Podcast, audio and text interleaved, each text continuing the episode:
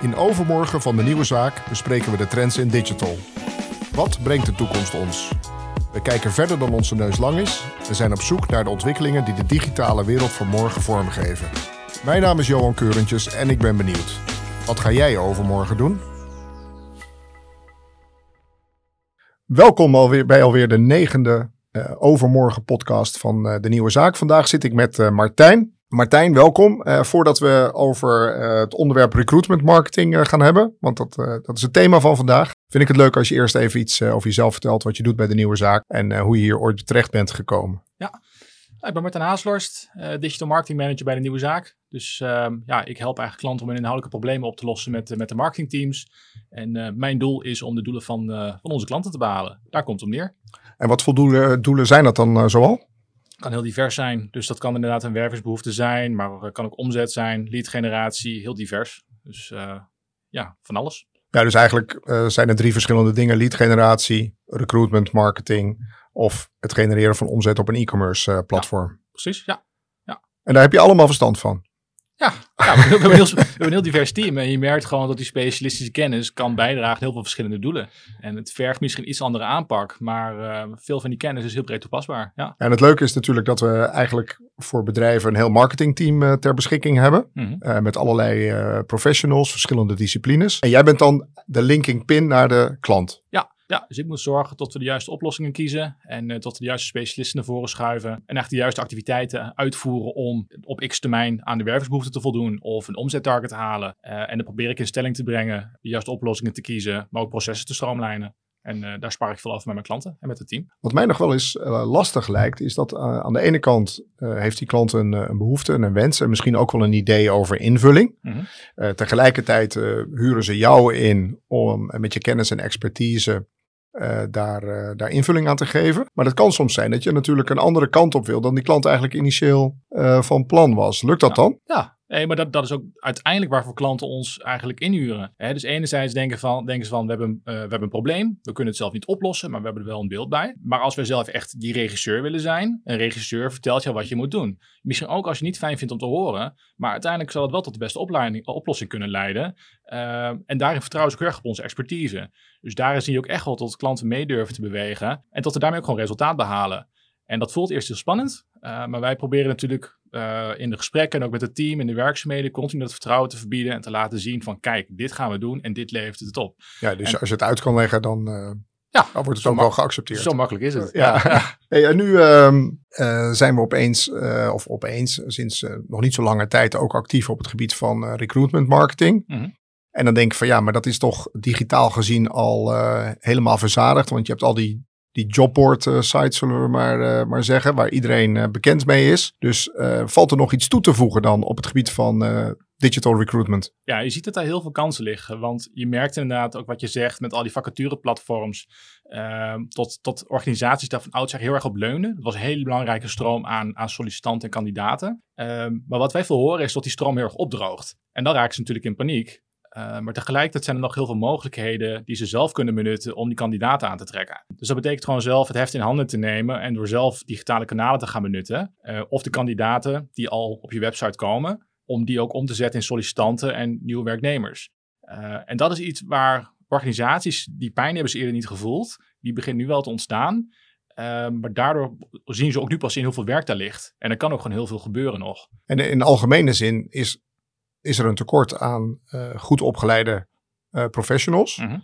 uh, op allerlei gebieden. Dus dan heb ik het niet per se over programmeurs of marketeers. Maar het gaat ook over chauffeurs en -hmm. misschien mensen voor in het magazijn. Ja. Moeten we niet accepteren dat er eigenlijk gewoon een tekort, totaal tekort is aan mensen. Dus we zijn allemaal heel druk bezig om dan de tekorten van elkaar over te nemen of uh, mensen rond, rond te pompen, om het zo maar te zeggen, om te zorgen dat, dat wij weer even uit de problemen zijn of onze klant. En dan twee weken later is er weer iemand anders en die biedt weer 100 euro meer en dan kan je weer opnieuw beginnen. Ja, nou, ik, ik, denk wel, hè, er, het is een feit denk ik dat er gewoon een krapte op de arbeidsmarkt is. De werkloosheid is enorm laag, dus dat geeft aan dat er minder mensen uh, uh, in de markt zijn. En waar je voorheen als organisatie zelf de keuze had uit tien kandidaten, heeft nu één kandidaat de keuze uit tien organisaties. Ja.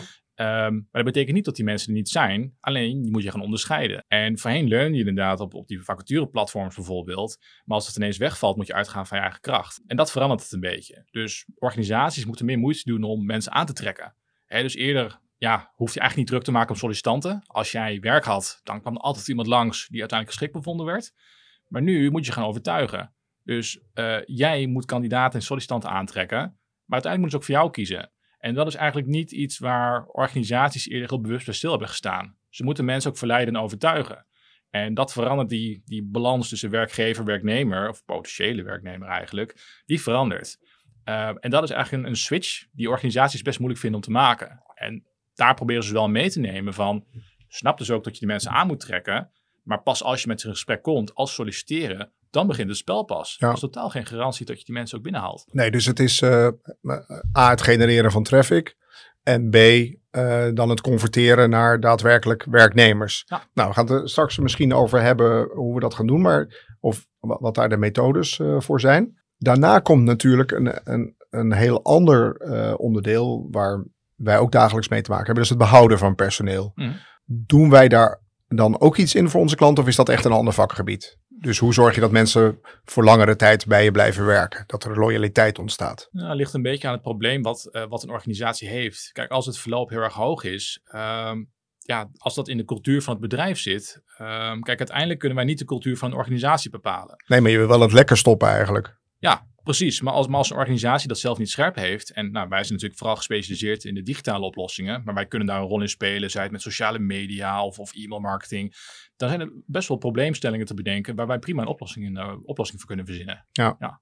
Um, als we nou uh, vooraan beginnen bij het uh, genereren van traffic, zoals wij dat dan noemen, het genereren van voldoende bezoekers die wellicht interesse hebben in een, in een vacature. Wat zijn dan de onderscheidende eh, manieren ten opzichte van hoe het traditioneel ging, die wij nu toepassen, waardoor onze klanten daar succesvol in zijn. Mm -hmm. ja, eigenlijk, eigenlijk op de simpelste manier is door direct marketingkanalen te gaan benutten. dus eerder kwamen ze indirect binnen via de vacatureplatforms ja. of wellicht via LinkedIn. Alleen je ziet eigenlijk door zelf actief te zijn op bijvoorbeeld een Google of zelf ook actiever te worden met, uh, met social media. Uh, en dat kan zijn door direct daar vacatures te promoten. Maar dat kan ook gewoon door te laten zien hoe leuk je organisatie eigenlijk is. Dat je daarmee toch nieuwe mensen aantrekt. Dus wij zien vaak dat ook de social media kanalen zoals Facebook, dat er nog verrassend veel directe sollicitanten uitkomen. Terwijl je dengt van, uh, we laten vooral zien hoe leuk het bedrijf is en tonen niet eens de vacature. Nee. Ik begreep laatst van, uh, uh, van Esther dat ook TikTok daarin een heel succesvol kanaal kan zijn. Ja. Heb je niet het idee dat je dan eigenlijk die kanalen voor iets gebruikt waar het niet voor bedoeld is? Totaal niet, nee. Nee, want uh, sociale media, dat gaat juist om dat iedereen daar zijn eigen... ja, dus uiteindelijk je privébubbel. Maar in je privé, daar hoort uiteindelijk ook werk bij. Ja. Je bent een persoon, je hebt een baan, je vindt iets leuk, je doet iets met plezier. Um, en daar hoort het werk als goed is ook bij. Dus als jij daarin kunt laten zien hoe, uh, uh, hoe iemand aan het werk kan gaan bij een bedrijf wat volledig past bij die persoon, waarom zou je het daar niet tonen? Is misschien meer de manier waarop je het presenteert. Het moet geen platte vacature zijn misschien, maar wel laten zien van, goh, wij zijn eigenlijk een hele goede werkgever. Kom eens, een, keer, kom eens een, kijkje nemen. En als je dan uh, voor de marketeers onder ons in de, in de marketing funnel kijkt, op dat stuk, dan zit je wel bovenin of, of midden in de funnel. Mm -hmm. Dan ben je nog niet echt bezig met die vacature in te vullen, te converteren. Mm -hmm. uh, je bent nog heel erg bezig om je bedrijf te laten zien, je merk te laten zien en mensen te engagen. Ja. Ehm, om met jou in contact te komen. Ja, ja maar dat is wel een stap die je moet zetten. Hè? Want, want eerder kwamen echt de sollicitanten echt rechtstreeks als sollicitant op je af.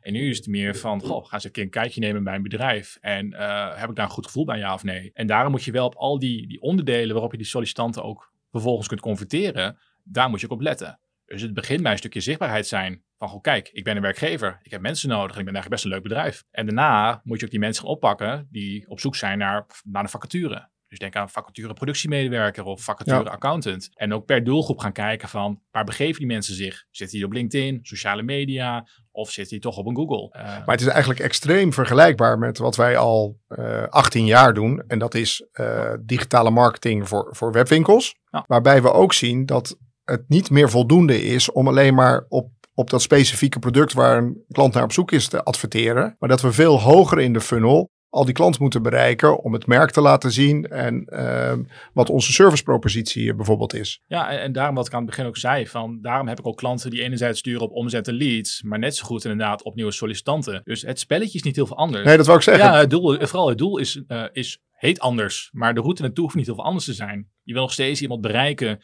die bezig is in een journey. Bij, bij omzet noemen we het inderdaad de customer journey. En dit is meer de candidate journey, recruitment journey, hoe je het maar wil noemen. Maar in grote lijnen, het spelletje en de touchpoints zijn, kunnen vergelijkbaar zijn. Zie je ook uh, belangrijke verschillen? Want ik snap heel goed de, het vergelijk, maar zitten er ook belangrijke verschillen tussen? Nou ja, ook hier, ja, er zijn veel overeenkomsten die, die misschien net iets anders zijn, die net iets meer een moment of truth zijn. dus als het gaat om vacature, die content is cruciaal. Dus zo'n één zo'n pagina die jij scant voor de vacature, kan bepalen of jij wel of niet gaat solliciteren bij een bedrijf. En dat moet je niet onderschatten. Dus je moet continu goede content neerzetten, AB testen, wat je natuurlijk bij een e-commerce webshop ook doet. Maar dat geldt hier net zo. En dan eigenlijk gaat het hier over nog minder pagina's. Terwijl je bij een, een, een webshop kijkt kijk naar een volledige e-commerce funnel. Van PDP naar checkout, et cetera. En hier kan het echt soms één pagina zijn, maar met één formulier. Ja, hoe ga je dat zo goed inrichten, zodat je iedereen over de streep trekt die voor jou interessant is? Ja, PDP is een uh, productdetailpagina hè, voor de, voor de kijkers thuis. Heel goed, ja.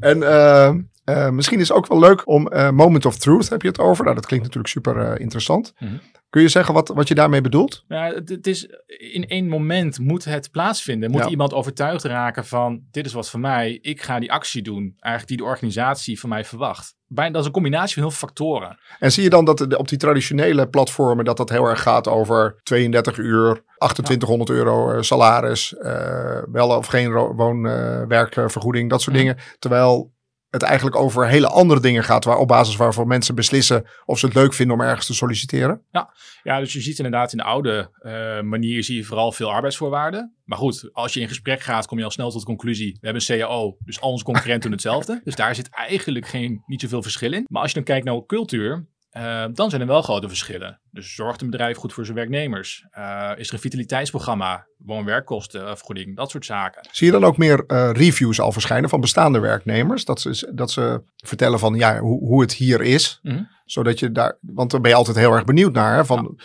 Ze kunnen wel van alles zeggen, maar wat vinden de mensen nou die er werken of misschien zelfs gewerkt hebben? Ja. Ja, maar daarvan zie je ook echt dat het wel goed werkt. Dus als jij inderdaad een, een, een testimonial hebt van een bestaande werknemer, dus in, in videovorm vorm bijvoorbeeld, op die vacaturepagina, dan zien we ook echt wel dat dat uh, ja, conversieverhogend werkt. Dus dat meer mensen gaan solliciteren, omdat ze echt gewoon van een werknemer zelf hebben gehoord hoe leuk het bedrijf is. Ja. Dus dat, dat zie je zeker. Ja. Heb jij het idee op het moment dat je met uh, klanten of prospects uh, in, in gesprek bent, dat ze een heel duidelijk beeld hebben van wie zoek ik nou eigenlijk en waar moet ik ze zoeken? Nou, dat valt nog best wel tegen. Dus, dus ze weten misschien wel welke kwaliteit iemand nodig heeft. Dus ze weten wat voor uh, competenties ze zoeken mijn persoon. Maar ze weten niet hoe ze dat kunnen definiëren in de zin van waar begeeft die persoon zich in digitale kanalen. Dus ja. hoe, hoe, herken ik die eigenlijk online? Ja. ja dus dat, dat, dat is vaak wel een klus waar mensen, uh, waar organisaties hulp bij nodig hebben. En hoe kunnen wij ze daarbij helpen?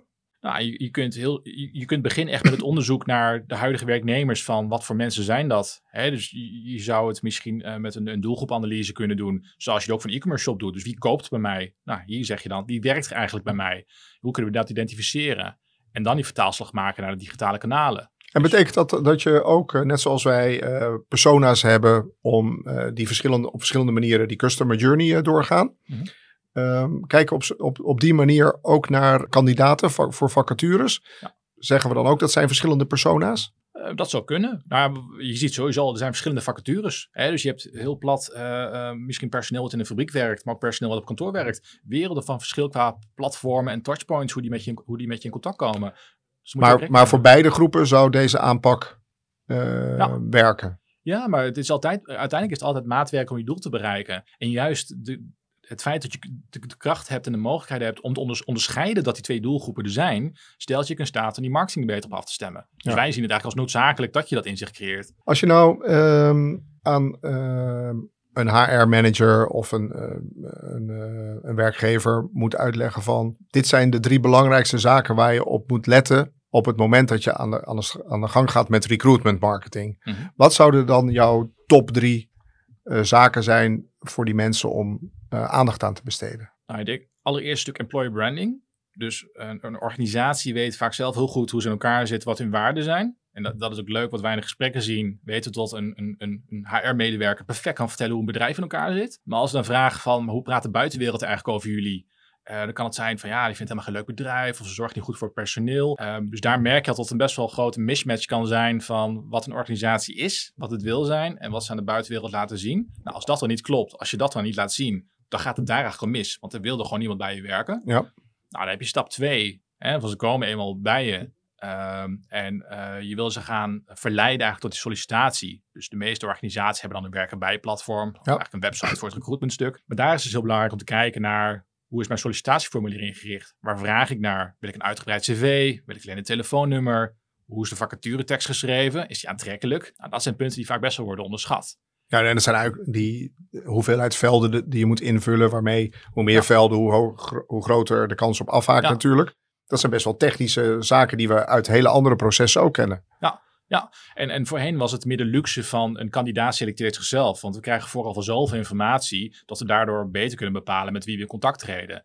Alleen als de spoeling wat dunner wordt, ja, dan gaat het juist een hindernis worden. En komen er juist minder mensen binnen. Terwijl je denkt van, ah, eigenlijk mag dat formulier wat korter. Liever tot er twee keer zoveel mensen zich aanmelden. En dat, en dat we dan vragen gaan stellen. Precies. Dat je dan, ja. Dat je in gesprek komt. Want als het toch schaarst is, liever tot, tot je ze spreekt, dan dat je mensen laat afval, afvallen eigenlijk bij een zullig formulier op je website. Ja. Dat, mag, dat mag niet gebeuren. Nee. Omdat die mensen hebben zoveel mogelijkheden dat ze denken van nou, als ik dit allemaal moet gaan invullen, dan kan ik beter twee andere sollicitaties de deur uit. Precies, ja, En dat zie je ook gebeuren. Ja. ja. ja. En, heb je, en de derde stap eigenlijk is ook het stuk na de sollicitatie. Dus oké, mensen nemen eh, contact met je op, maar worden dat ook werknemers van je of niet?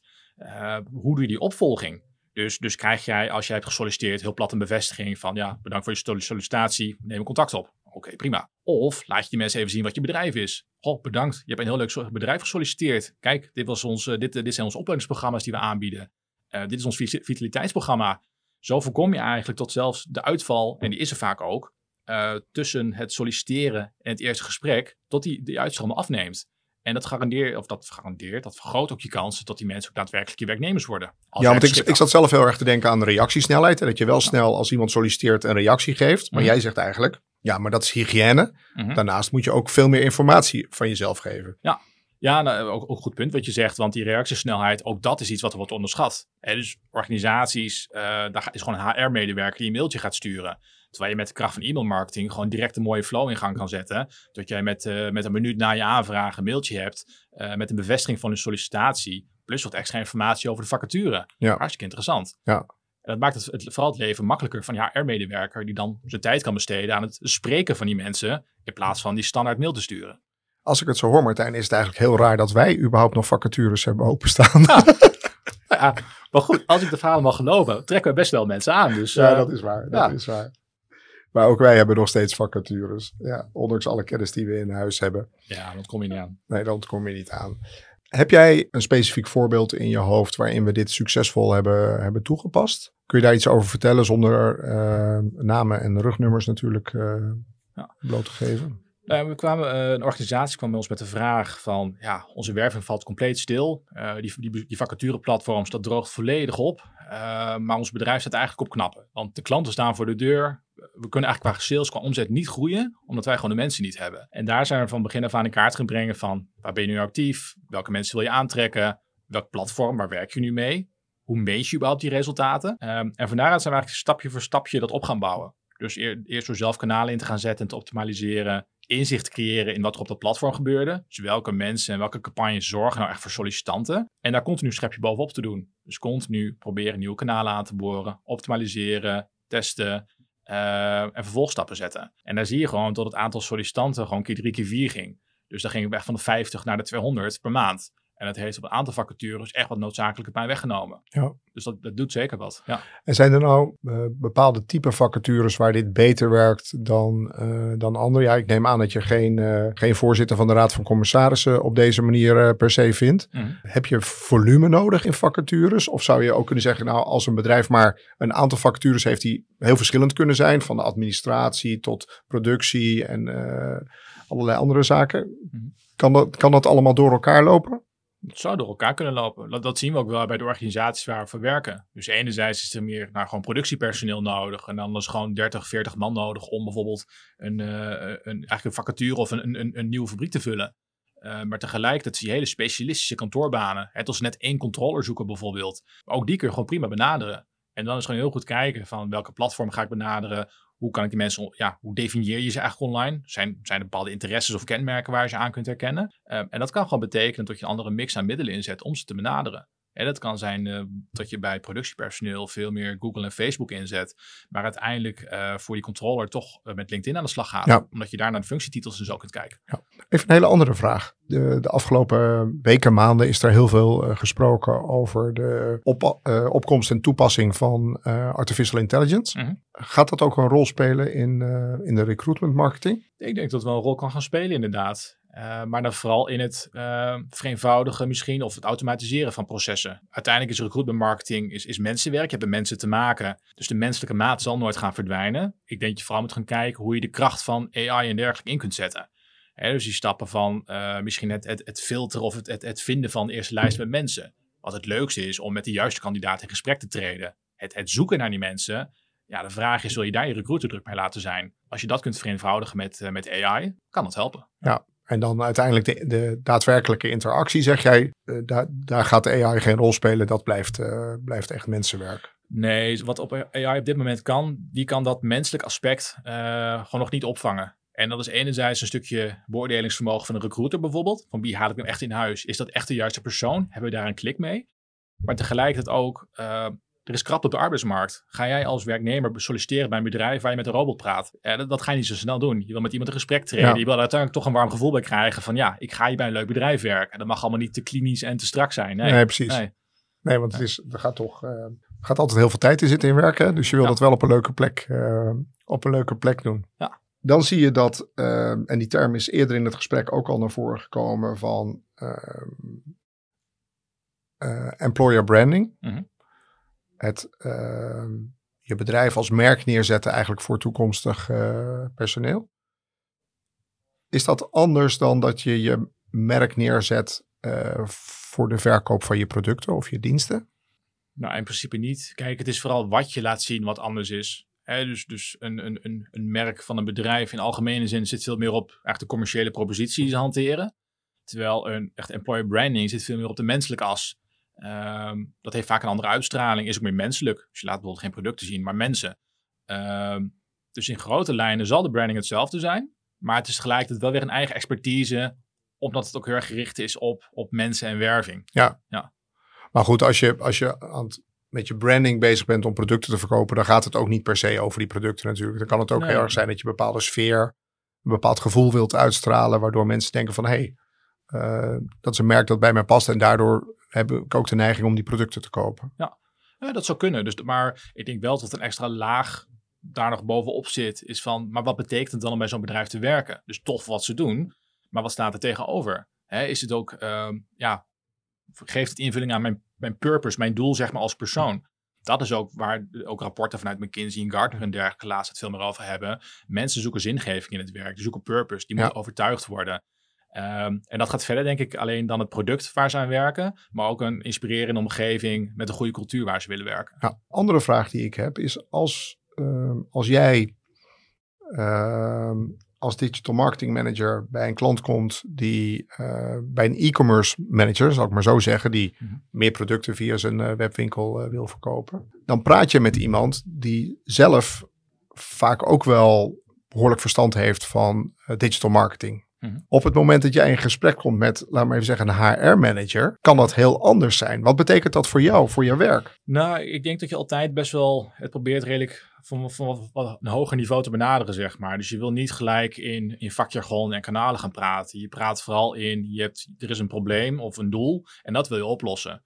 En, en dat gesprek voer je met zo iemand. En dat voer je hetzelfde gesprek voer je met de e-commerce manager. En die invulling wordt dan inhoudelijk dan kan het wel zijn dat met een e-commerce manager je net iets sneller van elkaar begrijpt waar je mee bezig bent. Maar dat kun je net zo goed uitleggen aan iemand van een HR-afdeling. Ja. Uiteindelijk landt dat, dan, dan landt dat ook wel. En heb je dan het idee dat je meer aan het concurreren bent met de advertentiebudgetten van zo'n HR-manager of met zijn of haar recruitment uh, budget? Hè, wat mhm. misschien ook wel uitgeven aan externe recruiters. Want ze mm. kunnen het geld natuurlijk maar één keer uh, uitgeven. Ja, ja, maar dan is vooral een stuk inzicht belangrijk. Hè? Dus wij vinden het ook belangrijk om te werken met dashboarding en met doelstellingen. Zodat je gewoon weet van oké, wat ik erin steek, levert dit op. En dan zo kun je altijd als organisatie de keuzes maken van wat is dan de juiste investering om te doen. En daar kunnen wij natuurlijk over meedenken en, en juist dus qua ook over informeren. Dus wij geven die HR-manager ook wel de, de data, de dashboards in handen om duidelijk te maken aan de organisatie wat de investering is en wat uiteindelijk daar de resultaten van, uh, van zijn. Zeker, maar dat is denk ik überhaupt een van de belangrijkste aspecten van hedendaagse marketing. Gewoon een stukje verantwoording kunnen nemen, dus accountability van de inzet van het budget. Dus je moet het niet als losstaande oplossing zien, wat wij aan het doen zijn. Nee, het is een breder probleem waar heel veel activiteiten voor worden ingericht, zowel online als offline. En daarvoor moeten we kijken wat het meest effectief is. Maar daar kunnen wij bij helpen om die, die breedte inzichtelijk te maken. Ja, super interessant. Zeker. Er valt nog heel veel te winnen. Ja. Heel veel te winnen, ja. Nou, leuk. En uh, het, het mooie is natuurlijk, uh, kijk, als je een tekort hebt aan, uh, aan mensen en aan marketeers, dan kun je eigenlijk bij de nieuwe zaak terecht om een heel marketingteam voor je te laten werken. Mm -hmm. En uh, ja, aan de ene kant kost dat geld. Aan de andere kant, waar vind je nu een team met acht goed opgeleide professionele specialisten uit verschillende disciplines, die allemaal voor jou aan de slag uh, gaan? Mm -hmm. Nou, is bijna niet aan te komen, toch? Um, en uh, met wat we vandaag gehoord hebben, kunnen we wel stellen dat het heel erg vergelijkbaar is met wat we al 18 jaar doen. We zetten het alleen op een andere manier in. Mhm. En nu niet zozeer om producten of diensten te verkopen, maar in dit geval om vacatures te vullen. En uh, als ik jou zo hoor, dan zijn we daar ook heel succesvol in. Zeker, dus um, ja. um, voordat we af gaan sluiten, ben ik wel benieuwd wat jij overmorgen gaat doen. Want het, ja. de titel van deze podcast is Overmorgen.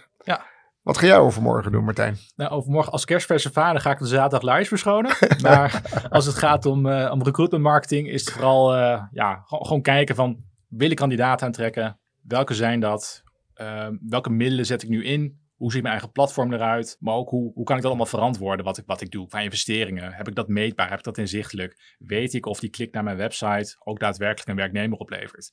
En, en voor ons lijkt het zo vanzelfsprekend om zo te denken en te werken. Ja. Ehm, maar dat is iets wat heel, wat heel veel organisaties nog moeten doen en waar wij ze ook komende periode bij gaan helpen. Heeft het jou iets extra's gebracht dat, dat, uh, dat je nu ook met klanten over recruitment marketing praat? Nou, nee. Ja, eerlijk gezegd, ja. Het, het, je bent altijd aan het kijken hoe je een organisatie verder kunt helpen op het gebied van, van, van marketing. En, als, als, en, en echt met de digitale middelen die we inzetten. Dus het is vooral een leuke nieuwe invalshoek om een organisatie verder te helpen. Waarbij je niet kijkt naar de verkoop van producten of het aanbrengen van leads. Maar gewoon zorgt dat een organisatie überhaupt de mensen heeft om zijn werk te kunnen doen. En ook goed te kunnen doen. En, en, en, dat, dat en het is een heel groot knelpunt voor heel veel organisaties op dit moment. Ja. ja. Dus, dus het is heel waardevol dat je daar een bijdrage aan kunt leveren. En kunt laten zien dat je daar succesvol in bent. En dat, dat vind ik gewoon heel leuk als, als toevoeging eigenlijk op het stuk wat we eerder ook veel deden.